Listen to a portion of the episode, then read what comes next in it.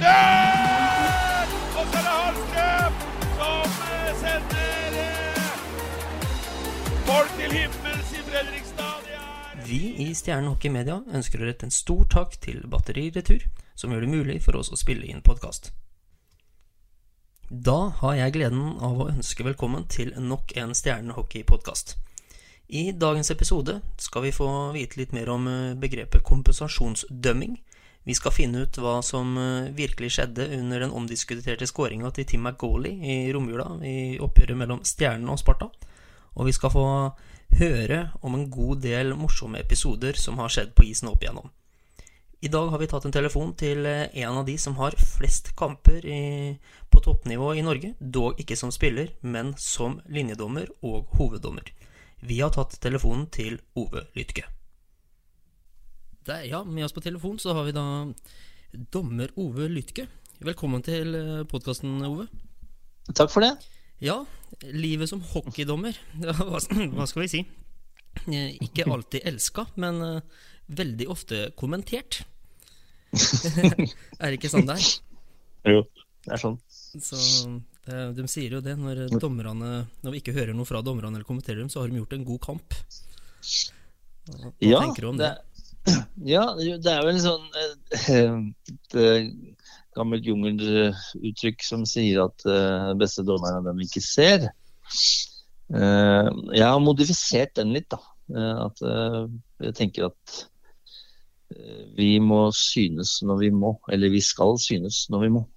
Ja, det er jeg helt enig i. Eh, og hva, hva tenker du det med å Det å være synlig, da? I, i forhold til eh, Du har jo dømt en årrekke. Først så var du linjedommer, og så ble du hoveddommer. Og hvordan syns du den tida på en måte har forandra seg, da, fra 90-tallet og fram til nå? Eh, altså, det å Hvilken hva skal jeg ta først? Eh, For, spillet er jo mye raskere nå. Eh, Spillere er jo mye bedre trent nå, alt går fortere eh, nå enn hva de gjorde i gamle dager, skal jeg kalle det det. Eh, og så skjer det flere ting flere steder samtidig. Ja, Um, og det er vel litt av derfor eh, NHL da først var ute med firedommersystemet, og så ble det adoptert rundt omkring i Europa, og så omsider fikk vi det i Norge. da. Å dømme en eliteseriekamp eh, i dag med tre, det, det tror jeg ikke er så lett. Nei, altså, merk, altså Du var jo med på den overgangen fra tre til Mm. fire. Åssen var det i starten? Jeg vil jo påstå å si at jeg var en Jeg sto i bresjen som, for å få det inn nå, jeg, da. Jeg, eh, Gaden var på den tida dommersjef, Lars Olav Gaden. Eh, og han hadde prøvd den, så møtte veggen flere ganger, gadd ikke mer. Orka ikke mer, for det var ikke noe respons. Og så sier jeg får jeg lov å prøve. Og så fikk jeg prøve, og så gikk det veien til slutt. Ja, var En av grunnene til det der var det fordi klubbene syntes det skulle koste mer, eller? Ja, det, ja, det var hovedgrunnen. Var økonomi. Ja, sånn, sånn er det jo ofte. Eh, Sånn er det vel litt for dere dommere i dag òg. Den økonomiske hverdagen her er vel ikke sånn kjempelukrativt, eh, det dere holder på med? Nei, altså totalen ser jo veldig bra ut. Eh, når du har dømt en hel sesong, så, så, så ser det jo fint ut på selvangivelsen, liksom. Men den øh, øh, Å reise bort og være borte Ja. Du må jo sette det opp i forhold til hva man blir trukket av arbeidsgiver for de som blir det. eh, all den tida du er borte fra jobben. Ja, for dere har jo vanlige Eh, jobber ved siden av òg. Ja da, alle sammen. Eh, Og så er du borte fra familien også, og i- til tider kan det være intenst, i hvert fall i sluttspillet. Så nei, du blir ikke rik av å dømme hockey i Norge. Men du får jo en liten påskjønnelse, og vi begynner å nærme oss et nivå som er, eh, som er OK. Det gjør vi. Ja, og hvordan på en måte Jeg regner jo med at du legger det inn i budsjettet ditt for året, at du, du skal ha inntekter fra hockeydømminga ved siden av. Hvordan, hvordan, er det for deg i disse koronatider, da? Ja, det er litt morsomt at du spør meg akkurat det, fordi eh, jeg er jo eh, delvis permittert. Jeg sa til sjefen min at det må du bare gjøre. Altså, ikke tenk på følelser og sånt. Du må sørge for at jeg har jobb til, til våren og fremover. For jeg, kan, jeg får litt inntekt fra hockeyen også. Og så plutselig så stengte den ned òg, da. Ja, ikke sant. Så da blir det på en måte dobbelt så gærlig. Ja. Eh, så akkurat det er jo fryktelig kjedelig nå, da. Så vi har jo abstinenser, alle mann, for å få gått på is og dømme hockey igjen. Ja, hockeyabstinenser er det flere som har om dagen. Jeg kjenner det selv. Ja, ja. Det er eh, fryktelig tungt å ikke, ikke få med seg det her. ja. Nå, jeg har jo hatt litt flaks oppi dette, her, må jeg innrømme. da, for jeg, jeg dømte jo Stjernen MS 2. januar. Ja. Da ble jeg smitta. Og du ble smitta i tillegg? Ja, ja, mest sannsynlig så ble jeg smitta den dagen. Eh, det som er rart, er jo at det er bare meg av oss fire dommere på is som ble smitta. Så jeg skal ikke være så bastant, da, men det, det, henger litt på greip i forhold til hva som skjedde i Stjernen, og hvor mange spillere det er som fikk over smitte etter hvert også, i akkurat rundt den uh, i etterkant av den kampen. Ja, og, og så hadde de da den Sparta-Stjernen-kampen 30. desember også, ikke sant. Ja. Så, så jo, jo, da, så jeg fikk jeg, jeg, jeg skulle teste meg, eller testa meg da 5. januar og fikk påvist uh, smitte og gikk i isolasjon. Ja, Åssen har formen din vært uh, rundt det her da? Jeg har vært kjempeheldig. Jeg hadde feber de tre Altså den femte, sjette og sjuende. Da hadde jeg feber. Uh, og etter det så har jeg vært snufsete en stund. Eh, og nå Jeg kommer til å Sikkert til irritasjon for mange lyttere, men jeg, jeg kremter litt eh, mye for tiden fordi det klør litt øverst i brøstet. Ja, eh, Nederst i halsen. Ja, og det er nok korona som henger igjen litt. Eller altså symptomene som kan henge igjen litt. Ja. Men du føler, det, du føler deg klar igjen hvis de starter opp nå? Ja, og vi fikk heldigvis god oppfølging av, uh, av Ishockeyforbundet. Uh, for det var jo vi, vi, var syv dommere som ble smitta i den nyttårshelga, altså hvis vi kan kalle det det. Uh, og 14 stykker totalt var som gikk i karantene. Så vi som var smitta, vi, vi ble passa litt på i forhold til det med å, opptrening i etterkant. Eh, på lik linje, vil jeg tro, da, som, både, som alle andre spillere uh, som har hatt uh, smitte. Hvor man skal være forsiktig i starten. Ja. og Der har jo Olympiatoppen bl.a. Jeg vet ikke om de har utarbeida det, men det er i hvert fall på en måte liksom stempla Olympiatoppen en sånn form for protokoll som sier at du skal så og så lenge være rolig, forsiktig, gange 15 minutter ferdig. Det er det du skal gjøre liksom de første dagene. da. Ja, for det blir litt sånn Også, return to play, akkurat som spillerne har på ja, helt, ja, helt, helt, riktig. Den return to play-saken. Så den har vi fulgt. Eh, noen av oss eh, holder på ennå. Eh, men jeg er fullt 100 tilbake. Nå når treningssenteret hos meg da, her i Lillestrøm kommune omsider åpna opp i går, så var det på en måte Jeg har jo trent hjemme, men det er jo jeg, ikke, jeg har ikke noen ellipsemaskin eller noe sånt noe hjemme, så jeg får liksom ikke testa meg ordentlig. Men i dag så testa jeg meg ordentlig og kjørte 45 minutter med høy puls. Og klarte meg fint. Ja, det, var, det, var, godt å kjenne, kjenne, på den. Ja, altså i forhold til det med eh, som hoveddommer i Eliteserien, da, så er det jo på en måte eh, Du har jo på en måte en toppidretts hverdag, selv om kanskje forholdene ikke ligger helt til rette for det? Ja, vi litt sånn beskjedent så kaller vi oss jo toppidrettsutøvere litt. Ja. Uh, vi er ikke helt sikre på om det er riktig, men vi er jo på isen der i 60 minutter. Uh, vi, det er fysisk uh, krevende, kanskje mest på, på lungene, altså utholdenhet. men vi må jo ha litt trøkk i beina òg. og noen har jo sagt ja, nå er det fire, så nå blir det ikke så mye skøytegåing, liksom. Men det er en det er ikke riktig. nei, ikke, nei, jeg har jo spilt litt løkkehockey i går kveld sjøl. Altså, ja. Eh, jeg kjenner det ordentlig. Og jeg kan tenke meg når, du sier at tempoet blir høyere og sånt nå, altså det, bare det å ha den skøyteferdigheten til å henge med utpå der, det, det, krever litt, det. Ja. ja, det gjør det. Og eh, og vi skulle jo gjerne vært enda flinkere og enda raskere og enda yngre, kanskje, noen av oss. Men eh, det er noe ja, Vi må ta de forholdene vi har her hjemme, liksom. Ja, også i forhold til det du sier nå, at det er ikke så mange av dere. Sånn, hva, er det, hva er det vi kan gjøre da for å få fram eh, dommerne mer? Altså få flere til å Ja. dømme? Ja. Det, det, eh, det, er, det er ikke noe enhetlig Eller det er ikke, hva skal jeg si, det er ikke, det er ikke ett fasitsvar på det, tror jeg. Men eh, det er klart man må vi, vi ønsker jo å få tak i spillere som kanskje rammer litt ut eller får andre interesser eller ikke har like mye tid til hockeyen som eh, fordi man ønsker å prioritere ikke, skole eller andre ting sånn Mm. underveis eh, når man vokser opp. Eh, eller drømmescenario er jo å få tak i en tidligere eliteseriespiller som konverterer til å bli dommer. Det, er- en sånn våt drøm vi har. Ja. Men problemet er at ingen som tør.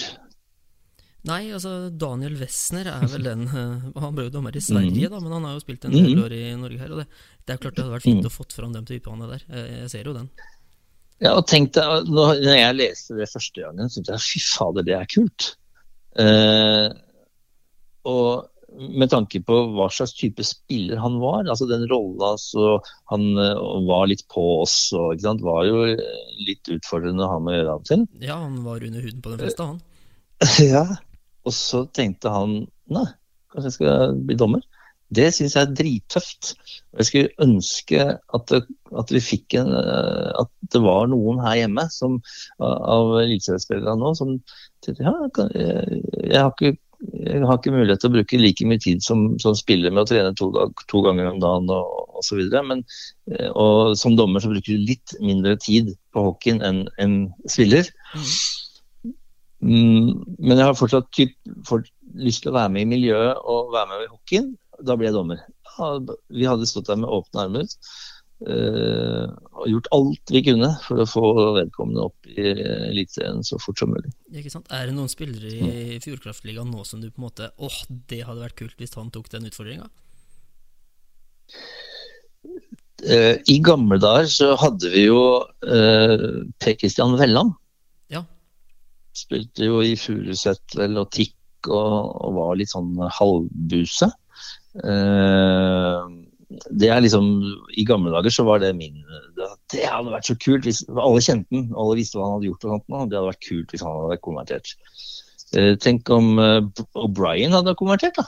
Ja, ikke sant? Eller Tom, Tommy Christiansen, for den saks skyld. Og Eller- plutselig eller entra, entra nede i Stjernehallen der og skulle dømme Stjernen mot Vålerenga. Det kunne ha blitt Ja, altså, jeg ser jo den. Det hadde vært artig, det. Det hadde vært ja, kjempegøy. Jeg tror, det, og dette er bare en teori jeg har, men hvis én gjør det, så er det lettere for nummer to og tre å gjøre det.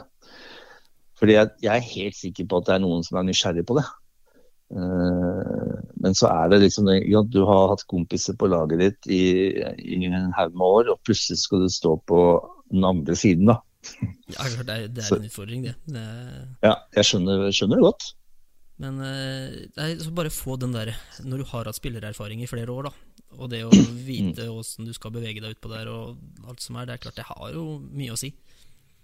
Ja, kjempemye. Vi har jo, vi har jo et par uh, av de yngre dommerne som har spilt i, uh, på hyggelig nivå. Vi har jo uh, Markus Wannerstedt som spilte uh, Vålerenga U20. Eh, vel. Og så har vi Mats Vikstrand som har spilt i MS og Kongsvinger eh, på, i Eliteserien. Og så har vi vel Kenneth Danielsen som også spilte Vålerenga U20.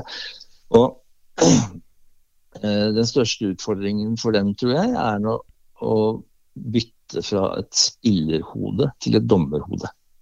Og det er litt forskjell der. Ja, det, det er jo ikke noe tvil om. Men, eh, men sånn i forhold til det med eh, Nå har jo jeg fulgt med på hockey en stund, ja, og jeg syns jo på en måte at Mm. den skrikinga som var fra publikum på det glade 90-tall Det var jo langt mer trøkk i den ordbruken der enn det som er nå. Mm. Eh, Jeg vet ikke om du opplever det sånn ute på isen der òg? Jo, det, jeg syns også det er snillere nå enn hva det var. Og det er kanskje bra, fordi det var jo noe som ikke var så bra på en, i en periode.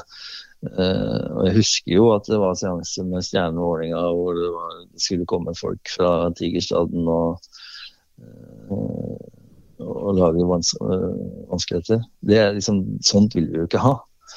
Um, og så husker jeg jo i gamle, gamle dager da Vålinga Furuset på gamle Jordal, liksom. Det gamle Apeberget eh, mot Furusetland. Da, var jeg så liten, jeg tok jo T-banen eh, fra Oppsal til Ensjø. Det var jo så vidt jeg turte å gå opp fra Jordal til Ensjø igjen for å ta T-banen hjem. Ja, ikke sant. Ja, nei, det, Vi har sånn, jo hatt flere kamper her mot Stjerne og Sparta, sånn som det har smelt på tribunen. og vært litt, litt skummelt når jeg var en 13-14 år òg. Det, det, er jo litt ja. sånn eh, Og det er jo godt at den tida der er borte. At vi nå kan ta med unge på kamp, og at det er eh, trygt og godt. Ja, ja jeg syns det. Og øh, jeg Det hadde vært Eller det har vi jo fått bevist nå, da, hvor kjedelig det er å dømme og spille kamp uten publikum. Det er kjempekjedelig. Altså, eller, altså, det er ikke kjedelig å dømme men, eller eller, spille, men det, er, man, det mangler en, eh, en, faktor, og det er publikum. Publikum er kjempeviktig for sport, for alle, alle typer sporter, egentlig. Ja. Eh, så vi, vi, ønsker jo at det skal være publikum, det skal være liv. og Så lenge de betaler for å komme inn, så skal de få lov til å kalle meg akkurat hva de vil. Så lenge de ikke tråkker over og det blir rasistisk og sånn, men at jeg er en dust og at jeg er en drittsekk fordi jeg dømmer mot laget deres, det er helt greit. For det er engasjement. Men, ja, det det. Når den, men når den kampen er ferdig, så burde det være ferdig. Ikke sant.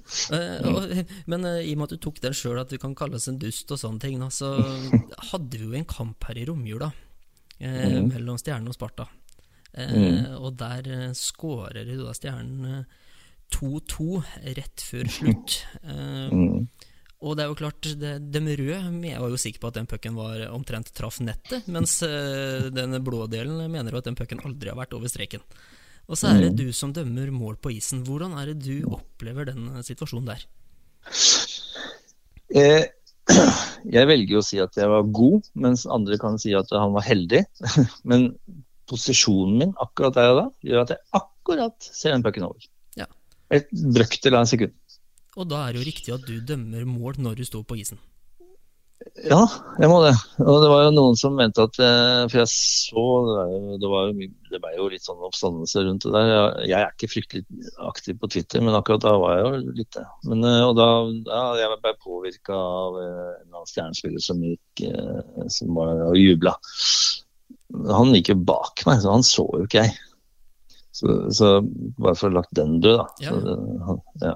Men når jeg da har sett den pucken over, og jeg var skråsikker, og det, ikke, det, er ingen som betviler at jeg er sikker, tror jeg, med kroppsspråket mitt der.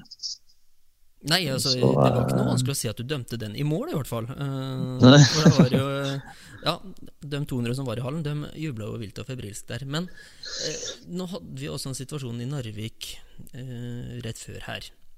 Mm. Og der blir det jo da på en måte Da blir det annullert på isen, og så går man inn og ser på video. Eh, mm. Og jeg er jo i den der oppfattelsen Du hadde jo gjort det veldig lett for deg sjøl hvis du hadde eh, kall det annullert den, da, og så gått og sett på video. Men mm. du som dommer, når du ser pucken over streken, må jo dømme mål, selv om situasjonen kan bli litt vanskeligere. Ja, vi må jo dømme på det vi ser. Ja. Uh, så hvis jeg har sett pucken inne, så må jeg jo dømme mål. Ja, og så, uh, og så har vi de, disse TV-bildene som vi som vi så da på TV2 der. Når du mm. kommer bort i den bua, er det sånn at du har mm. noen andre muligheter enn akkurat de TV-bildene vi får? Nei, jeg har ikke det. Nei. Det som var litt spesielt her òg, i den kampen Vi hadde vel vært inne i den og sjekka på video to ganger tidligere i kampen, hvis jeg ikke husker helt feil. Ja. Um, bare for å være sikre på at den beslutninga vi tok der og da, var riktig. Uh, og så, når vi kommer inn, og da funka alt fint. Når vi kommer inn og skal se på denne seansen her, hvor, som kanskje var den vanskeligste av de situasjonene, så funker ikke det systemet som er i sekretariatet. Aha.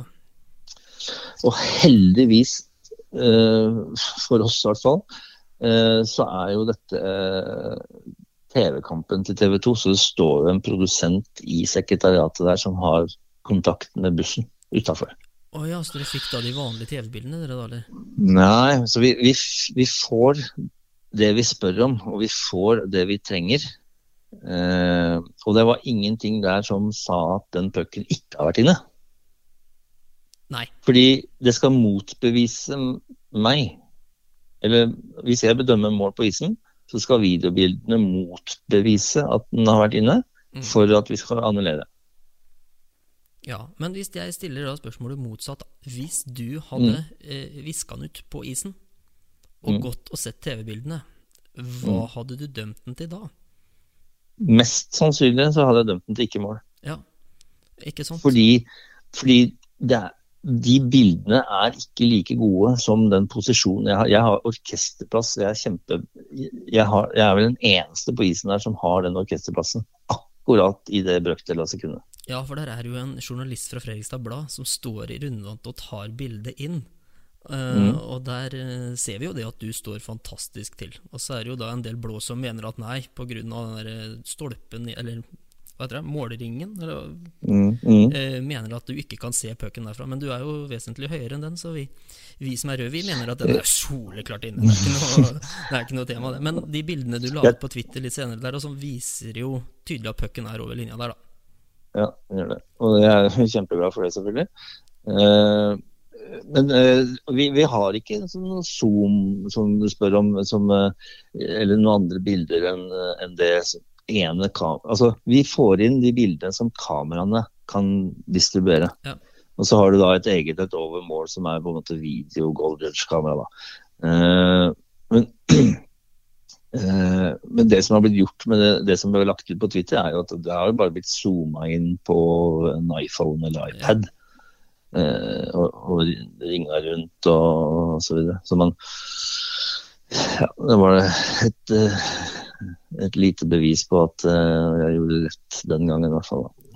Ja, altså, men det hadde jo på en måte ikke gjort noe om eh, det hadde vært mulighet for å zoome litt med det målkameraet heller. For vi ser jo det at det, det hadde gjort en forskjell. Ja, det, det kunne det gjort. Så, Så, men, og det er jo systemet, da. Det er TV 2 som uh, har sitt system. Uh, hva som er mulig og ikke mulig på de kameraene, det kan jeg ikke svare på. Men foreløpig har vi ikke hatt noe Zoom-mulighet. Det hadde vært uh, fint. Ja, det hadde jo det. Men jeg, jeg er jo veldig av den oppfattelsen, da. For det, det er jo mange som mener at eh, dommerne da skal viske ut sånne type skåringer som det. For at videobildene skal ta det. Men jeg, jeg mener så lenge dommeren Så lenge du står der og ser at pucken er over streken, så må du gjøre dømme mål. Ja, for det kan være Altså, vi har jo opplevd mange ganger før at eh, videobildene ikke kan konkludere. Ja. Og derfor skal dommeren alltid ta en beslutning på isen. Og hvis, la oss si at eh, jeg ser pucken inne og blåser og vorser. Ja, Altså, dette er ikke mål. Så strider jo det mot ryggraden min. ja det gjør da, det. altså, da, hvor er integriteten min da, liksom? Ja, du må jo stole på deg sjøl utpå der.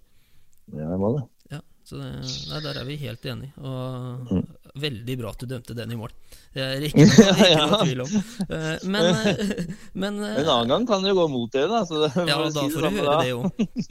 Ja. det er ikke noe tvil om. Men er det sånn, hvis det skulle dukke opp noen sånne situasjoner som det igjen, Ove, er det på en måte mulig å få deg opp i livestudioet vårt etter kamp for å liksom høre hva du tenker om situasjonen og sånn? Ja, jeg er åpen for det meste, ja. så det, men det må bare avstemme med dommersjefen på at det er ok. Det, vi, vi, vi har litt erfaringer fra Sverige om akkurat det der. fordi Allsvenskan for noen år siden, Ja, da skulle dommerne til studio etter kamp. Uh, og, så, uh, og det er jo litt risikabelt, for det kan jo at eh, du har Eller for å si det sånn, da. Du kan se og oppleve noe på isen, og så når du kommer inn etterpå, så se på videobilder. Hvis, det kan være noe Ja. annet, la oss si en tak takling, da, som vi ikke kan bruke video på før etter kamp. ikke sant? Og så ser vi at oi, ja, der, der gjorde vi feil. Eh, så må vi jo da, da, da må vi bare legge oss flate og si at ja, der gjorde vi feil. Og så fordi vi så fra en annen vinkel, og vi har ikke repriser, og uh, vi har 140 puls. Ja, jeg skjønner at det er fryktelig vanskelig. Ja. ja, men som sagt, jeg blir gjerne med og forteller. Jeg, og jeg, har, jeg, kunne godt, jeg, kunne tenke meg at det, det, satt en dommer på en kamp en gang, og som en sånn sidekommentator. Ikke nødvendigvis i Stjernehallen, men kanskje en TV 2-sending. Altså et eller annet sted. Ja. Og, og, det er også litt sånn halvveis høyt spill, da, fordi hvis dommeren på isen har en dårlig dag, så blir vi litt sånn svar skyldig. så det er litt sånn risikosport. Men Eh, jeg er ikke sånn kjemperedd for det, egentlig. Men eh, det er litt sånn merkelig med media, fordi fakta dreper enhver diskusjon. ja, det gjør jo det. Mm, og da er det ikke alltid like morsomt. Eh, I hvert fall for disse store mediehusene. Nei, og så er det jo litt sånn at uh, det er som du sier, da, hvis du plukker ut en dommer til noe sånt, så må det jo være en som tåler det. Og, men det, ja. jeg, det hadde vært morsomt, for jeg føler jo litt at norske mm. dommere, da eh, byr litt lite på seg sjøl. Ja, jeg tenkte på det ehm, Det er ikke noe hemmelighet at jeg har fått uh, tilsendt uh, noe uh, skriv fra deg. og Det vil, ba jeg også om, da, for jeg liker ja. å være litt forberedt. Og, og, så tenkte jeg gjør vi det? Liksom, ja, vi gjør kanskje, kanskje, det. Men så tenkte jeg også på at det er litt begrensa hvor ofte vi blir spurt. Ja. Og det, Også, fordi vi har vært litt Vi vet det med, i studioet vårt, da, for eksempel, så har vi vært litt engstelige for å i det hele tatt tørre å spørre. For vi har følt at, måte, at det har vært litt sånn lokka, nei, de har ikke lyst til å si noe. Det er liksom ja. den opplevelsen vi har. Ja, vi, vi sitter nok med andre følelser enn det. For det er ikke sånn at vi ikke skal si noe. Det er ikke noe lokka miljøer eh, nå i disse medietider og sosiale medier, så er det vanskelig å gjemme seg. Eh, så jeg tenker oppi huet mitt, da, men det er min personlige mening, altså, så kan vi heller bruke det til noe positivt da, med sosiale medier og media. Så jeg er liksom helt på bølgelengde med deg. Ja, så bra. Uh, ja. Uh, men Og vi har ikke blitt så ofte spurt for, Kanskje fordi man føler at man har litt avstand til dommerne, og det kan kanskje være vår feil at de gangene jeg har blitt spurt, og jeg har snakket, så har jeg stilt opp. Jeg har til og med vært i studio med Laffen i gamle dager eh, i, i Fredrikstad. Jeg vet ikke, det var TV Norge Nei, nei, det var jo lokal... Ja, SRS lokal ja. kanskje, eller noe sånt. Rikt, riktig. Så jeg var jo der og ble intervjua, og jeg har jo så jeg har, og det er flere av oss som har vært med og stilt opp på Det har vært noen podkaster og, og greier. Så jeg men, men, det er kanskje begrensa med folk som får tak, fanger opp. Ja, det, tenker, for det er ofte lokale. Det er sånn som dere nede i Fredrikstad nå. Ja. Jeg veit ikke hvor utbredt altså lytterskare dere har. Selvfølgelig uh, stjernesupportere. Og så veit jeg ikke hvor, langt, hvor mye lenger ut det går. Nei, ikke sant. Vi har i hvert fall én eller to lyttere i Canada, så vi kan skryte på oss det. Men, eh, nei, men det, er klart, det blir, jo, det blir jo mest mulig lokalt her nede. Og det, og det er jo det vi jobber litt med i Stjerna. da Prøve å på en måte mm. få Stjernen litt For skriver VG om et eller annet, så er det Stavanger eller Vålerenga. Og hvis, sånn som den kampen før jul der når Stjernen slår Vålerenga 8-1, da så er jo da overskrifta 'Stjernesmell for Vålerenga', og så er det Vålerenga som er dårlig, og ikke Stjernen som er bra. Og det, det sliter jo vi litt med, da. Ja. Uh, selv om det er en sannhet der at Vålerenga hadde ikke sin beste dag på jobb, dem. Men, uh, men, vi må på en måte få den at ok, nå var Stjernen gode. Mm. men jeg tenker også litt på i forhold til det med dommere å by på seg sjøl. For da, akkurat den kampen jeg sa nå, den Vålerenga-matchen, så er det en linjedommer som faller rett foran da, den plassen Red Beavers har fått i Stjernehallen nå, der de sitter borte på langsida. Og da får han jo 50 stykk som klapper og jubler for han. Sånn er det jo når dere går på snurra utpå der. Og så reiser han seg da opp og går rett vekk med en gang. Istedenfor å da reise seg opp og f.eks. bukke til publikum eller gi litt mink, Eller, eh, bare, for hvis du gjør det, da, så er det jo Dømmer du en feil icing eller offside etterpå, så er det kanskje lettere å få at ah ja, det er greit. Isteden så blir du oppfatta som en sånn kjip type, og da får du i hvert fall uh, pepper. Ja, det er enig i. Altså, sånn på is så kunne vi sikkert eh, connecta mer med, i visse situasjoner. Eh, men så er det tilbake igjen med det at vi skal synes minst mulig, da. Vi skal ikke gjøre så mye, mye ut av oss. Og jeg har fått kjeft opp gjennom så mange år det at det er for mye Ove. Eh, ja, så måtte jeg gjort, gjøre noe med det, da, så det er litt mindre over nå. Men vi, vi, vi, skal liksom ikke gjøre så mye ut av oss, da. For plutselig så kommer det Ja, ok, du kan vinke til publikum, ja, men den offsiden den får du faen ikke med deg, ikke sant? Ja, ikke sant. Ja, jeg, jeg, jeg, skjønner for, problemet der. På, på en eller annen måte så blir det så, så, kan det smelle tilbake på oss. Og for, da, for å unngå å komme i en potensielt kjip situasjon da, så gjør vi det ikke. ikke sant. Ja, mm. altså, jeg, jeg, er jo helt med på tankegangen din, men samtidig så oppleves det litt sånn der åh, der burde han bare ha tatt den neven i været og ja, det er helt ja, ja, jeg, jeg, Men jeg skjønner jo Det er jo sånn når vi sitter og snakker sammen nå, så skjønner jo hvorfor mm. man ikke gjør det òg. Ja, det er ofte grunner til det, og det klart, så lenge man ikke vet, så er, blir jo, vi blir jo ofte arrogante, da. Ja, men jeg opplever jo deg som uh, forholdsvis uh, lite arrogant i tider òg, for du, du, er jo god til å innrømme feil. Eh, opplever jeg, sånn til tider. Du hadde jo en liten episode oppå Lillehammer her for noen år siden mot Lillehammer og Sparta. Kan ikke du fortelle litt kort hva som skjedde der, Ove? Ja, det var vel ikke en liten seanse heller. Sånn, det, og det har jo vært eh, Altså, i dag så jeg, jeg, jeg tror jeg vokste på den uh, situasjonen, ja, og, og, og da kunne ligge her i koronasmitte og se på TV 2 gjennom ti år, hvor dette her med dommerens uh, hverdager kom opp. Og disse seansene blir spolt tilbake igjen. Og å få oppleve det igjen var egentlig litt morsomt. Men det, det var jo det var en, rett og slett en, en uh, hva skal jeg si, en feilkobling oppi huet. Jeg ser riktig og tenker feil. Så jeg må jo gjøre om Altså, jeg annullerte jo et mål på den straffa. Ja, for det er stolpeskudd som går i keeperen og så inn i mål, ikke sant? Ja. Og så tenker jeg retur, fordi hadde den truffet spilleren og gått inn igjen, så, så, er det ikke, så, er det ikke, mål. For det er retur. Men stolpe-keeper-mål, det er mål. Det står definert i regelboka. Og så skal jeg da forklare for Altså, den stakkars linjedommeren han var jo litt usikker på hva, på hva, hva jeg tenkte. For jeg resonnerer jo meg fram til at jeg har gjort feil. Ja.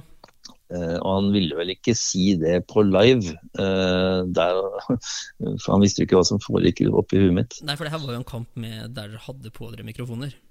Ja. Og når jeg da skal forklare Tor Nilsen at jeg må dømme mål, jeg må gjøre om beslutninga, så henviser han jo til en icing.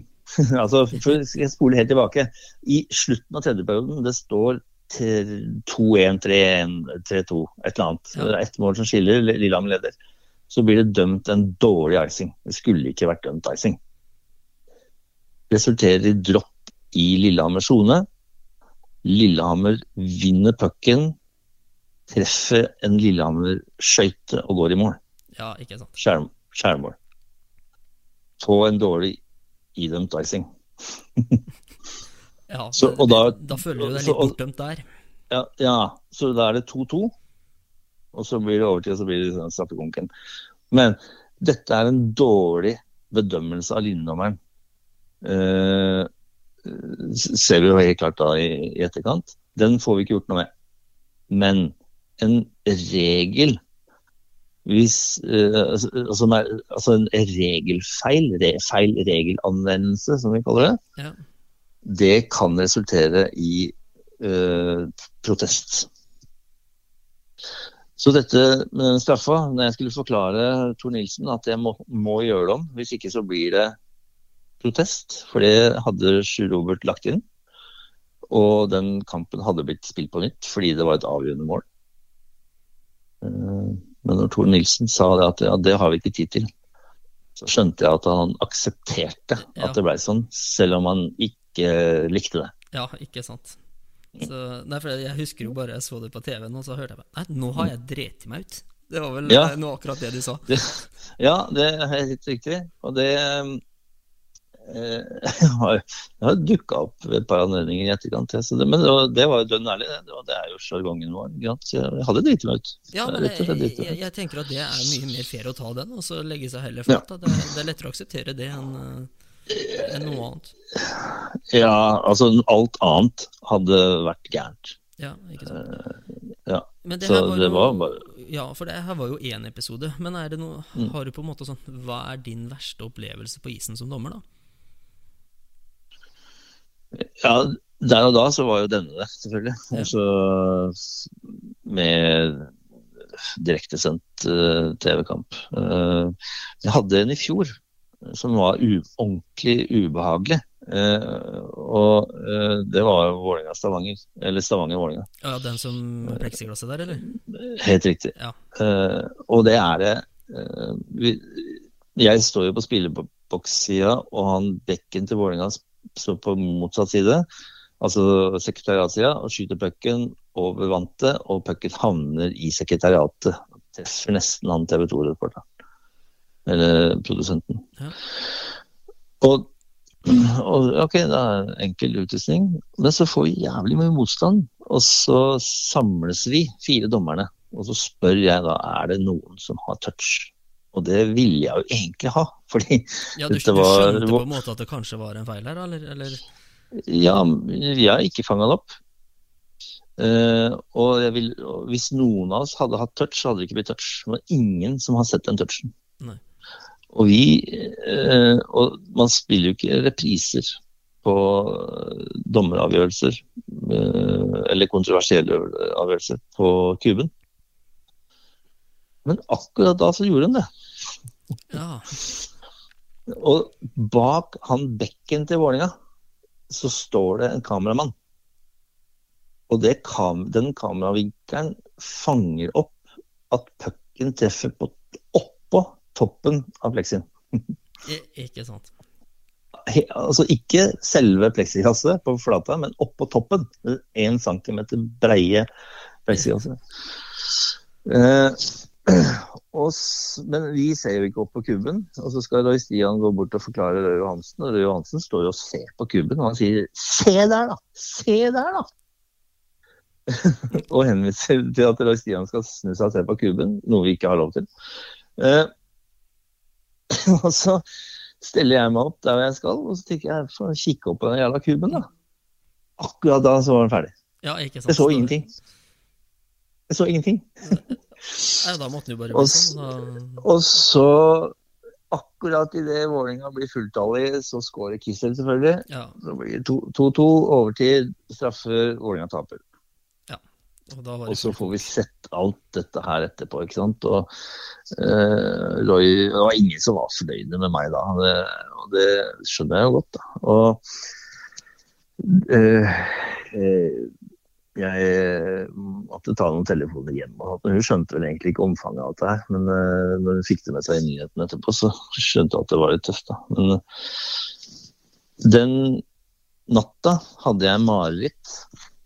Og jeg har ikke hatt mareritt siden jeg var liten gutt. Ja, ikke sant. Så den eh, ga ordentlig inntrykk, den der, da. Ja, jeg skal ikke si at det er derfor, men det er jo nærliggende å tro det. Eh, Det var ordentlig guffet. Dette, den kampen var en torsdag. Eh, Og jeg skulle dømme Vålerenga MS på lørdag. Og du skulle ned på Jordalen etterpå da, ja? Ja, Furudalen. Furusetdalen. Ja, for, ja selvfølgelig i fjor. Ja, eh, ja. Nede i Forum. Men eh, ja, den er deilig. Ja, jeg fikk tilbud om å bytte kamp for å eh, For å minke belastninga på meg. Eh, eller på Ove Vålinga. Men Så sier jeg nei, faen jeg, skal, jeg, skal, jeg får stå for det, og så skal jeg gjøre opp for meg. Så da fikk jeg hjelp av han laglederen eh, Erling Ven til å samle gutta i garderoben. Så gikk jeg inn i garderoben og så sa unnskyld. Det sto skolerett. Ja, men det, det er stort. Og det, det I forhold til det med å innrømme feil som vi snakka om i stad, så er jo det Mm. Ja, det er bra gjort. Ja, jeg var jo forberedt på å få, få pepper. Eh, men eh, Tobias Lindstrøm er førstemann som kommer bort til meg, shaker meg i hånda og kapper meg på skulderen Så det er greit. Så det går fint, Tove. Eh, og da var det sånn, ha. Så det var deilig. For det første at jeg gjorde opp for meg, jeg sa unnskyld. Og gutta skjønte at jeg var lei meg. Og dems respons tilbake til meg igjen. Ja, men jeg tenker at akkurat det der, da. Det vi snakker om å by på seg sjøl, innrømme at du faktisk har bomma. Eh, Mm. Det er mye bedre enn at du bare hadde møtt opp på isen og vært kald og arrogant, da. Og så bare Ja. dømt videre. Det hadde nok vært vanskeligere å akseptere for spillerne nå.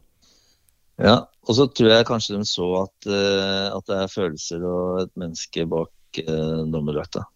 Ja, for du legger jo ære i det du gjør, du òg. Ja, ja, okay. Så nei, det er bra. Men i Mm. motsatt, eh, motsatt eh, Karl nå har vi snakka om, eh, om to episoder som ikke har vært så kule. Men er det Mm. noen Vi kan jo ta med en episode i Stjernehallen, den regner jeg med du er veldig fornøyd med. Men er det noen andre episoder du på en måte trekker fram at Oi, det her var eh, bra at jeg ja, gikk litt mot det andre her og fikk rett? Eh, Jeg har ikke kommet på noe, egentlig. Eh, jeg, er- veldig stolt av veldig mye av det jeg, har gjort og fått være med på eh, opp igjennom. Eh, hadde ikke fått være med på det hvis jeg hadde vært så dårlig som mange mener at jeg er. Eh, det er masse, masse morsomme historier. Eller altså, det er masse morsomme opplevelser og, og greier. Men jeg kan ta en siste, da, for, eh, eller, som er sånn nylig. Ja. Og, og det eh, Jeg sier vår kjære venn eh, O'Brien. Ja. Eh, Jeg kommer til å savne han. ja, det er jo fargeklatt. Det er ikke noe Ja, da, og kjempe altså, Profil for norsk hockey. Og, og når han holdt huet kaldt, så var han dritgod. Uh, Syns iallfall jeg. Ja, det er Også, jeg jo helt enig i det. Det er jo en klassespiller, det. Det er jo en grunn til at han eh, ble henta til KL og nå SHL. Så det, det, det er vanskelig å ta ham fra det. Ja. Og så dømmer jo søstermoen og jeg eh, Stjernen Sparta. Nei, unnskyld. Vi eh, Vent, alt, det var 30 28. desember, da er det Stjernen Sparta. Det er den kampen vi snakker om, ikke sant? Ja. Og det var Nei, det var vel Roy Stian og meg som hadde den. Ja, Roy Stian, Roy Stian var sammen med deg da. ja, stemmer det. Og så Jo, jeg, jeg hadde um, comeback-kampen hans i Narvik. Ja, Uh, det var sånn med søstermoren og jeg. Og, og sa velkommen tilbake og har savna deg. Og sånt. Og så sier jeg ja ja, det tror jeg ikke noe på. Så, jo, men det, så lenge du holder huet kaldt, så er det, det er ikke dårlig. Og vi hadde en veldig, egentlig en veldig god tone. Og så, uh, i en eller annen seanse hvor han står Det er face-off eh, i endesonen, i angrepssonen. Så står jeg utafor på blå. Og så har det vært en eller annen noen som hadde sagt noe til eh, O'Brien. Og så snur han seg til meg. Og så sier han da på eh, god engelsk I still like you, though. Altså, han, lik, han likte fortsatt meg, da. ja ikke sant? ja, herlig. Så, ja, så det var jo en sånn artig liten sak, da. Ja, Har du noen andre historier sånn opp igjennom når du har dømt Stjernen? Er det noe du kan trekke fram der? Ja, jeg skal trekke fram to. Jeg skal trekke fram en bra og en dårlig, eller en morsom og en dårlig. Ja. Uh, og det, det morsomme, da, det var stjernen Tikk. Da var jeg en linjedommer, det er mange år siden. Jørgen Valberg var en av de gode gutta da. Ja. Og så kommer han i slagsmål med en eller annen Trondheim-spiller. Og så står jeg bak Trondheim-spilleren. Eh, jeg går inn litt sånn gærent, da. Og så skal Valberg slå. Og så tror jeg han, han TIX-spilleren han må ha dukka, fordi han klinker meg midt i trynet. Valberg. Og jeg med løssnus som bare renner nedover. Og begge to så på hverandre. Og han bare Å, sorry, sorry.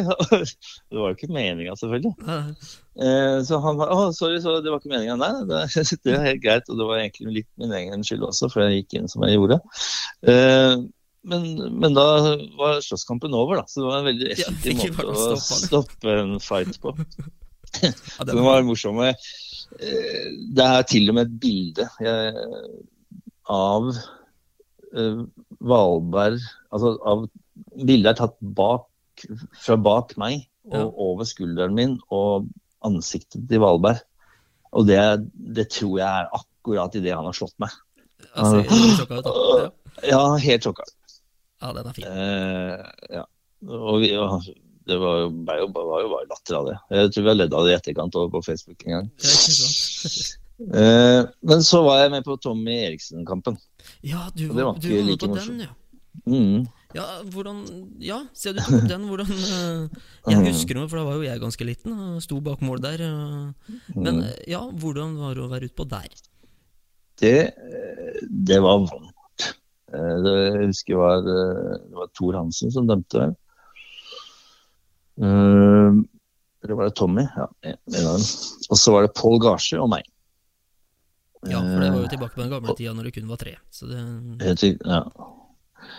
Og jeg, jeg husker jo at Tommy ble utvist for et eller annet, og så var han forbanna, så slo han i pleksiglasset, og så fikk han ti minutter, og så ble han enda mer forbanna, og så fortsatte han til den kølla knakk over pleksiglasset. Ja. Og så gikk han noen meter til forbi sekretariatet, og så pælma han den kølla. Øh, det er jo Guds lykke at, at det, ja, det var vel en gutt som ble skada der, men eh, Ja, det var, si, det, var, det var jo noen tenner og sånn som gikk, men det kunne jo gått Ja. verre òg. Ja, det var akkurat det jeg skulle fram til. At det kunne gått verre. Um, og det, det jeg husker nesten best der, var at Pål Gasje, da, min linjedommerbakke, sa til meg at du får følge den ut. For han ville ikke. Du får følge den ut, ja. Og det eneste jeg passa på da, det var at jeg gikk bak synsfeltet til Tommy. Jeg ville ikke at den skulle se meg. ja. Jeg var jo livredd. Så, så Ja, for da, var- da var han hissig. Den rullegardina hadde gått Ja, helt ned. sin- det- Nei, jeg har jo hørt flere intervjuer med Tommy og sånn etterpå, de sånn eh, Ja. angrer jo fælt for den. Det er ikke så rart. Ja, og det som er så rart, det er jo at når han ikke har på seg hjelmen, så er han en av de snilleste guttene i verden. Nei, det, det var jo Ja. den situasjonen der som virkelig gjorde at det Ja. kokte over. Eh, men Så- så- ja, men det, du har jo noen Mm. Du har jo vært med lenge, så du har jo mange opplevelser her. Eh, men i Mm. forhold til litt sånn eh, folk som lurer litt på da, dommeroppsett Altså, Mm. når eh, sesongen, eller før sesongen starter her, hvor mange kamper er det på en måte du blir satt opp til da? De deler inn sesongen i fire. Fire perioder. Det første oppsettet kommer, eller går fra seriestart og fram til første landslagsopphold. Ja. Eh, Det det er midten av november en gang, eller tidlig i november. Eh, ja. Og så Helt riktig. Og så er det eh, Neste er da fra etter landslagsoppholdet og fram til eh, jul. Ja. Og eh, disse romjulskampene. Og så har de et fra januar til eh, neste landslagsopphold, som er i februar en gang, vel? Ja, det stemmer. Det Og så kommer det et, ja, så kommer det ett til, eh, hvor de setter opp eh, resten av kampen fram til playoff, unntatt de siste tre rundene, eller hva det er for noe. Ja. Tre eller fem rundene. Mm. Eh, Og så er det jo sånn at dere dømmer jo i par. Men er det ren miks fram og tilbake, eller er det noen du dømmer mm, oftere sammen med enn andre? Eh, Nei, det, er- det er miks. Det, eh, det er jeg, skal ikke si at det er tilfeldig, fordi de ser jo type kamp, og så ser de at eh, ok, der kan vi fint sette inn de to dommerne, eller de fire dommerne. Ja. Men det er ikke det er ikke sånn at vi har blitt para opp på eh, fotballen ofte er, eller håndballen. At det er dere to skal dømme sammen resten av altså, livet. Nei, ikke Sånn sant? ikke. Nei. Nei. Men når du får det dommeroppsettet, er Mm. det på en måte noen kamper du bare Åh, yes, den fikk jeg. Har du noen sånne tanker? Ja, det er litt sånn fordi ut ifra kampene du får, så kan du lese litt eh, ranking. For vi har liksom ikke en ren ranking fra 1 til 15 nå. Vi har Nå er det grupperinger på grønn, gul og rød. Eh, så, Ja, ja, grupperinger på grønn gul i forhold til kamp, eller? ja, altså er grønne dommere er eh, de beste. Ja, ja, Gule dommere er sånn midt ja. ja. Og da, hvis du bare får toppkamper, eller ba, sånn potensielle toppkamper, da, eller med Ta potensielle topplag Stavanger, topplag, Vålerenga i Stavanger, da, for å si det sånn. ja, for eksempel, så er du sannsynligvis eh, en av de bedre dommerne. Ja. Eh, men samtidig så skal man tenke på at eh, og kanskje i hvert fall mot slutten av sesongen, så er jo de lag ni og ti, de kni, eller åtte og sju, de, de, de lever jo med kniv på strupen. Ja, og har jo mye å spille for, selvfølgelig. Masse. Og så de må også ha gode dommere. Så, uh, ja. Nei, jo, men det, det, er klart noen kamper er morsommere. Eller nei, ikke morsommere. Uh, hva skal jeg si, da? har en ekstra edge. Ja. sånn type Stjernen-Sparta, Sparta-Stjernen, Vålerenga, Storhamar, Stavanger Ja, topplagene mellom. Ja. Altså én, to og tre. Ikke sant. Det blir jo litt, litt mer edge. Ja, men er det noe sånn at du så Dere har jo de samme forberedelsene og sånn innenfor hver kamp, selvfølgelig. Men eh, mm. kjenner du det kribler litt ekstra når du vet at du skal ha en fullsatt Stjernedal eller fullsatt Sparta Amfi i disse lokaloppgjørene, kontra f.eks. da eh, Gryner hjemme mot eh, Lillehammer, da? Ja, ja det, og det gjør det. Og det har jo vel så mye med ramma rundt og lokalt og historikk eh, å gjøre. Ja. Eh, så nå er det lenge siden vi har dømt for fulle hus, eh, dessverre. Eh, men og, så er jeg litt usikker på Kanskje jeg kaster en brannfakkel nå, og det er ikke meninga i så fall. Men den rivaliseringa Sparta-Stjernen Stjernen-Sparta er ikke like heit lenger som han var en gang i tida. Eh, nei, men samtidig så har vi jo gjort Eller er det bare koronaen? ja, nei, no, Det er klart koronaen har en del å si, men eh, det man har gjort som var sjakktrekk med René Hansen innførte i sesongen i fjor, da, var jo det at de spilte jo gjerne to treningskamper mot hverandre og den biten der. Mm. Og nå har de jo kutta ut det. Så nå spiller de ikke ja. treningskamper mot hverandre lenger, for rett og slett ikke vanne det ut. Og ja. det trykket som har vært nå eh, i år, selv om det ikke har mm. vært noe særlig på eh, ja, innafor dørene i, Stjernehallen, har vært Det mm. virker som det på en måte gnistrer litt igjen nå også. At det er på vei til å ta seg opp igjen. Og det, det har jo litt med spillertyper å gjøre og sånn, selvfølgelig. Mm. Nå, nå, er det jo en stund siden jeg dømte det lokaloppgjøret, men nå dømte jeg det med da 28. Ja. Eh, og jeg, jeg, har jo vært med og dømt kamper som er mye varmere enn det.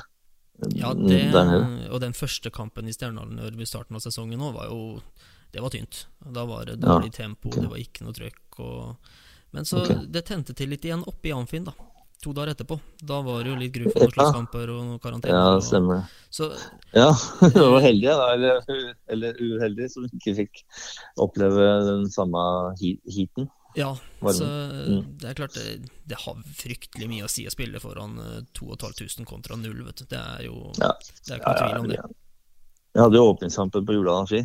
Ja, og det òg må ha vært en spesiell opplevelse. Altså, det er jo ja, det var veldig spesielt. Det var kjempemorsomt eh, å få lov til å være med og åpne den. Men eh, så trist at det ikke kunne være noe publikum. Men samtidig tenker jeg fy fader, her blir det trøkk når det blir fullt. Ja. For der sitter vi jo helt ned til pleksien ikke sant? og kan dunke på pleksien og prøve å forstyrre oss mest mulig. ja, det er jo ikke noe tvil om. Så vi hadde jo livestudio der inne når vi var der. Og ja. den, jeg gleder meg til at det blir full også, den arenaen der. Ja. ja. Så nei, vi savner det, Ove, uten tvil, å få ja, med folk igjen. Mm. Eh, men, mm. Ja, nei, det er jo ikke noe tvil om det. Så alt blir bedre med publikum, og det Ja, det gjør det. det, gjør det. Så, men eh, så i forhold til stjernespillere opp gjennom tida her, da. Er det mm. noen på en måte du har opplevd som eksemplariske på isen? Morten Finstad må, er jo topp, må jo på toppen der. Ja. Jeg, jeg, kan ikke huske at jeg har hørt han sagt et ord. Jeg. Nei, han fikk jo, han fikk jo ti minutter uh, av en eller annen dommer. Ole, ja, Ole Stian Hansen. ja, altså, Når alle husker hvem som dømte i tillegg, ikke sant, for han kalte den juniordommer. Og da tenker jeg, Når Morten Finstad først kaller en juniordommer, så kan han egentlig bare ta hendene i været og si at 'nå har jeg drept meg ut'. Isteden så velger han da å gi ti minutter. Så det blir jo helt feil. Så.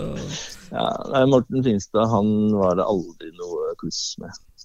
Uh, og så Ørjan Løvdahl var jo en en tekniker av rang. Eller begge de to gutta var jo det, da. Men uh, det er vel det jeg husker. Jeg husker jo René Hansen. Og han var sånn, på slutten der så hadde han mer glimt i øyet enn i starten av karrieren hans.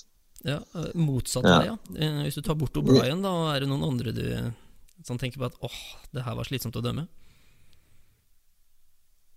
Eh, på Stjernen? Ja, har det vært det? Jeg, nei, jeg tror ikke det, altså. Nei, ikke Gøran Det det- heller? Å, jo. Bra. Gøran Hermansson kunne også være uh, vanskelig å dra rundt. Uh, han spilte ikke Wessler på Stjerna Stjernen nå? Var også i. Stjernen, vet var innom Sparta. Ja, riktig. Ja. Så jeg må nå, jeg må nå dessverre da dra frem at de, de har de eh, har vært mer utfordrende, hvis vi kan si det pent. da. Ja, ja, det, men det, sånn skal det jo være. Og det er jo noen Men- som du, Lag trenger sånn òg. Ja, det var jo litt, litt sånn rolle. var, altså, alle lag har rollespillere. Eh, og noen er mer engasjert enn andre. Så eh, ja, Men, men jeg, jeg, det er jo ingenting jeg ville sagt åh, han skulle aldri ha ønske at jeg aldri har dømt. Det jeg kan ikke si med noen. Nei. Eh, Men Nei. Eh, nå, jeg forbereder deg på en del spørsmål litt tidligere i dag. Mm Nå- Nå kommer det et som jeg ikke har forberedt deg på, for nå kommer jeg på det mens jeg har det her. Og du er, eh, du er i det gode humøret. Eh, Ja. Patrick og jeg, vi har jo det livestudio. Og så Ja. står veldig ofte Nei, så, veldig ofte var kanskje å ta i, men ofte, da. Så står jo vi og melder Nei, nå kommer motstanderlaget til å få en billig utvisning, eller nå kommer vi Ja. til å få en billig utvisning. Fordi at det har skjedd Mm. et eller annet i forkant. Eh, Mm. Kompensasjonsdømming. Hva, hva tenker Mm. du om det, Ove? Å rette en feil med en ny feil blir dobbelt så feil. Ja. Så det er, punkt, det, er utgangspunktet. Men så, så skal vi også balansere. Det skal oppleves rettferdig for uh, alle. Hvis, no, hvis ett lag oppfatter, oppfatter eller opplever dommeren som urettferdig, så da blir det vanskelig å være dommer. Mm. Eh, og hvis vi skulle dømt etter boka hele tiden, så hadde det sittet folk utvist hele tiden. Ja, for det, det, det er mye ikke. sånne køller opp under armene og opp i hanskene. Ja. Det, det er jo mye av det. Vi har hatt hjemmel for å pælme ut hvem som helst. Ja. men men og det kan vi ikke vil vi gjøre, det, og ikke kan vi gjøre det. For det blir ikke akseptert. Uh, så vi må, vi må Vi snakker mye om noe som heter penalty selection, altså det fine ord, norske ordet. ja, ikke sant? Er altså rett og slett plukke ut riktige utvisninger. Det er vel der eh, Ja, akkurat. Ta de riktige utvisningene. Uh, og det er klart, har, hvis Sparta har fått fire utvisninger på rad, Ja. så er det veldig godt for kampen og for dommerne at det kommer en stjerneutvisning. Ja, altså jeg er jo For ikke enig i det, men jeg skjønner hva du Nei. mener. Ja, men Hvis du ser Vålerenga Stavanger, da. Ja, da er jeg Ja, helt enig. Da bør det. Ja, ja, ja. Nei, men så for, for kampens del, og for å få balansert det For det, det, det kan jo være sånn enkelt at det ene laget er fryktelig mye disiplinerte enn det andre. Og det har skjedd. Så, så vi har dømt fem utvisninger på rad til ett lag, liksom. Ja.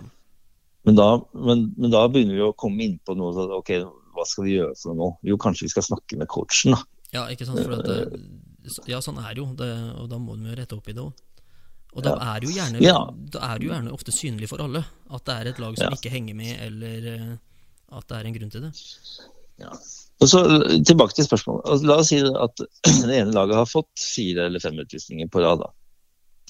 Og så kanskje dukker det opp en forseelse fra det laget som ikke hadde fått utvisning, som i en annen setting ikke hadde blitt blåst på. Ja.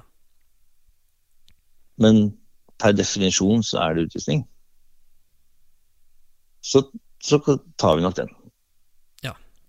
Ja, jeg, For å balansere. Ja, jeg skjønner jo hva du mener. Så Det er ikke, det er ikke, vi kaller det ikke kompensere, Nei. men vi kaller det balansere. Ikke sant. Og så er det da publikum som kaller det kompensasjon. Det er jo sånn det Ja. blir. Men eh, altså, det er litt godt å få snakka om noen ting her for å Mm. forstå hvordan dere tenker, da. Mm. Eh, For når vi står der, så opplever vi sånn Ja, nå kommer de til å få en. Men så er det jo det du som Mm. sier, at det skal være likt. Og hvis det er litt på kanten, kanskje du har fått to mot deg, da. Så ja, nå må du få en må for deg, på en måte. Mm. Så Og, det, og, det, og, det, og det, er ikke Vi går ikke og leiter etter det, men når det kommer, så Den passer fint. Ikke sant? Og så blir det litt sånn der skuldrene synker litt. Yes, nå fikk vi tatt den. Og så blir eh, alle blide og fornøyde. Og det gjør også noe med stemningen på laget, altså det andre laget. da. Ja. Da ser de at ok, det er ikke bare vi. Nei, ikke sant. Og så kan du nesten se på, hele, på alle de skuldra bortover benken at ja, ok, fint, de får utrustninger de òg. Mm.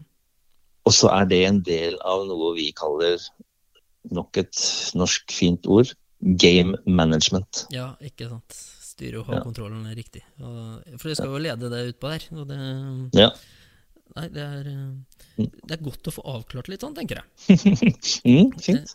Eh, Ja. Men for din del, du har jo også dømt en eh, VM-finale, du, Ove. To, faktisk. Ja, to VM-finaler. Se der. Eh, Det siste var vel nå i 2019, stemmer det, eller? Mm, stemmer det. Eh, Og da er i- det parahockey. Ja, Ostrava i Tsjekkia.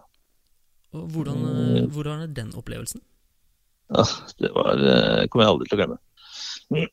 Det var jo eh, Jeg har jo dømt parahockey i mange år. Første turneringa mi var jo i Paralympics i 2006 i Torino. Ja. Og så dømte og så hadde jeg et opphold fordi jeg hadde, var på vei til å få en karriere internasjonalt, altså i IHF. Eh, hockey. Og dømte U18 AVM bl.a. i USA. Og endte opp med semifinale i USA og Canada der. Eh, så da var jeg liksom litt på vei oppover i systemet i eh, hva skal jeg si, vanlig hockey. da. Ja. Og så fikk jeg en kneskade, eller jeg fikk to kneskader ganske sånn tett på hverandre, som gjorde at jeg var borte ganske lenge. Et helt år, faktisk. Eh, og da skjønte jeg at den IIHF-karrieren min var Riktig. Den var Da begynte jeg også å dra litt på åra også, så jeg, den er ferdig. Så da, hvis det er plass til meg på parahockeyen igjen, eller, så, så vil jeg gjerne melde meg på, til tjeneste på det. Og det, de tok meg igjen imot med åpne armer, og da fikk jeg BVM som mitt første comeback, eh, og så AVM samme året. eh, Og dømte den USA-Canada-finalen der. Og så dømte jeg Pyeongchang Paralympics. Mm. Og så var det da i 2019 eh, VM i Ostrava. Ja, for da var det USA-Canada i finalen, stemmer det? Da, ja, det har det vært så lenge jeg har vært med. Ja. det er vel stort sett de lagene som er der. Det er sånn det. Ja, nei, Norge var jo veldig veldig gode eh, i starten. Eller altså rundt OL på Lillehammer osv. Så, videre. så ha- Norge var helt oppi der en stund. Men i hvert fall i, i min karriere da, så, så har det vært USA og Canada. Uh, og det var eh, Den turneringa hadde publikumsrekord. Han har knust alle rekorder. Eh, og når eh, Tsjekkia spilte, så var det fullt hus i arena eh, i Oslova arena det, med over 10 000 mennesker. Ja, det er gøy. Eh, Dømte, Ja, fikk du dømme Tsjekkia i det Nei, jeg fikk ikke det, vet du. Så jeg ønska jo ikke å få finalen. Fordi det var USA-Canada. Det gikk klokka fire på lørdag eller noe. Ja, Mens bronsefinalen var jo Tsjekkia-Sør-Korea. ja så Alle ville ha den. den, ja. Ja. så, ja, men, eh, og da var det var jo smekkefullt. eh, Og så satt det vel igjen eh, 7500 eller noe. Så det var jo fortsatt mye folk. eller gærent. Nei, men det er jo morsomme opplevelser å ta med seg. Kjempemorsomt. Og det som også er morsomt rundt det der, som, som ikke så veldig mange veit, det er at eh, i vår finaleserie her hjemme, Vålerenga Frisk, så tok det jo tolv minutter eller hva det var for noe, for å bedømme om et mål var mål eller ikke. Ja. På Hamar. Som ble helt riktig dømt. Eh, og så resulterer det i at eh, en av dommerne må trekke seg pga. for mye hets rundt og familie og greier. Tragisk. Ja. Men i min finalekamp der nede så tok det sju minutter å bedømme om det var dytta inn puck med hanske, altså med hånd, Ja. eller med kølle. Så det at det eh, tar lang tid å bedømme om et mål er et mål eller ikke, det, det har ikke bare skjedd her. Det er, det er, det er ikke unormalt. Nei, Bare, bare, for å ta den, jeg kom på det nå, da. I forhold til den Sparta-Stjernekampen, så sa jo du også i stad Eller Stjerne-Sparta-kampen, så var det jo ofte og titta inn på video, det tok jo lang tid. Eh, Mm. Så Falco, den maskoten vår, da. Han Ja. syntes jo det her var litt artig, for det var noen som hadde skrevet inn på Twitter og sånt at uh, Kalte filmkveld i Stjernehallen. Eh, så når, når du skulle dømme da mot MS igjen eh, 2. januar der, så hadde jo Falco vært borte og satt popkorn til deg i bua, og så kom det jo ikke noen situasjon, da, gitt. Så ja, ja, det er jo kjempemorsomt. ja, ja, Ja, Det var jo synd du ikke i med, da. Ja, for det, det sto popkorn der, da, så tenker jeg du hadde flira litt. Hvis jeg ser at det står popkorn her en annen gang, så skal jeg sørge for å se på video. Ja, det, det er viktig. Oppfordring til Falco. Ja, det skal jeg jaggu gjøre, da. Eh, Ja. Men du er jo en svært erfaren dommer, som vi har snakka om tidligere. Hvor lenge er det du tenker å fortsette? Ja, Så lenge folk vil ha meg, alt jeg får si. Eh, Så lenge helsa holder, eh, så har jeg jo lyst til å være med. Ja, for det blir jo en livsstil. Ja, det blir det. Og hockeydømming har jo vært en stor del av meg siden jeg var 14 år, og nå i år blir jeg 50. uh, faktisk. Uh, så eh, det er eh, hockey, Hockeyen er viktig for meg. Det veit alle som er rundt meg sånn privat. Og når jeg ble skada og måtte operere kneet nå sist gang, da, så skrev jo han eh, legen i epikrisen at jeg ikke kom tilbake på is igjen. Ja. Ja, Da begynte jeg å grine. Da ramla det helt. Det var så, det var så sterkt og trist. Men eh, jeg fikk heldigvis god hjelp å komme tilbake igjen. Så, men det jeg har sagt eh, Eller jeg, jeg har ikke sagt noe at da og da slutter jeg, men det jeg har sagt, det er at jeg, det hadde vært en drøm å få oppleve Beijing Paralympics og avslutte min internasjonale parahockeydommerkarriere der som 50-åring. Ja, ikke sant.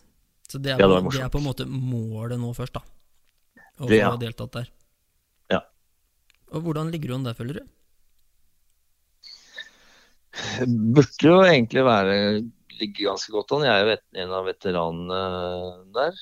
Eh, og det har jo ikke skjedd så mye det siste året på eh, utvikling av nye topp-paradommere.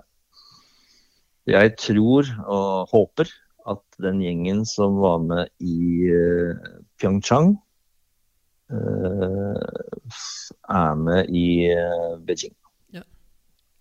Får... Så lenge de holder på ennå, da. ikke sant, det er jo klart. Nei, Ja, da, ja. da har vi bare å ønske lykke til med det. Jo, Så takk. takk for en veldig fin prat, Ove. takk det samme. Ja, Og så håper vi nå da at vi kommer tilbake på is og får fullført sesongen her. Og så tar vi da oppfordringa med å invitere deg til livestudio etter neste gang du er i Stjernehallen. Ja, gjør det. Supert. Tusen takk, Supert. Ove.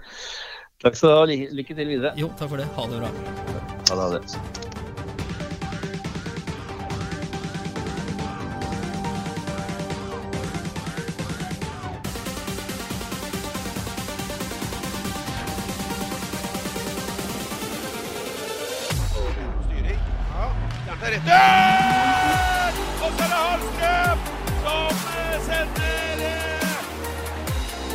Som eh, sender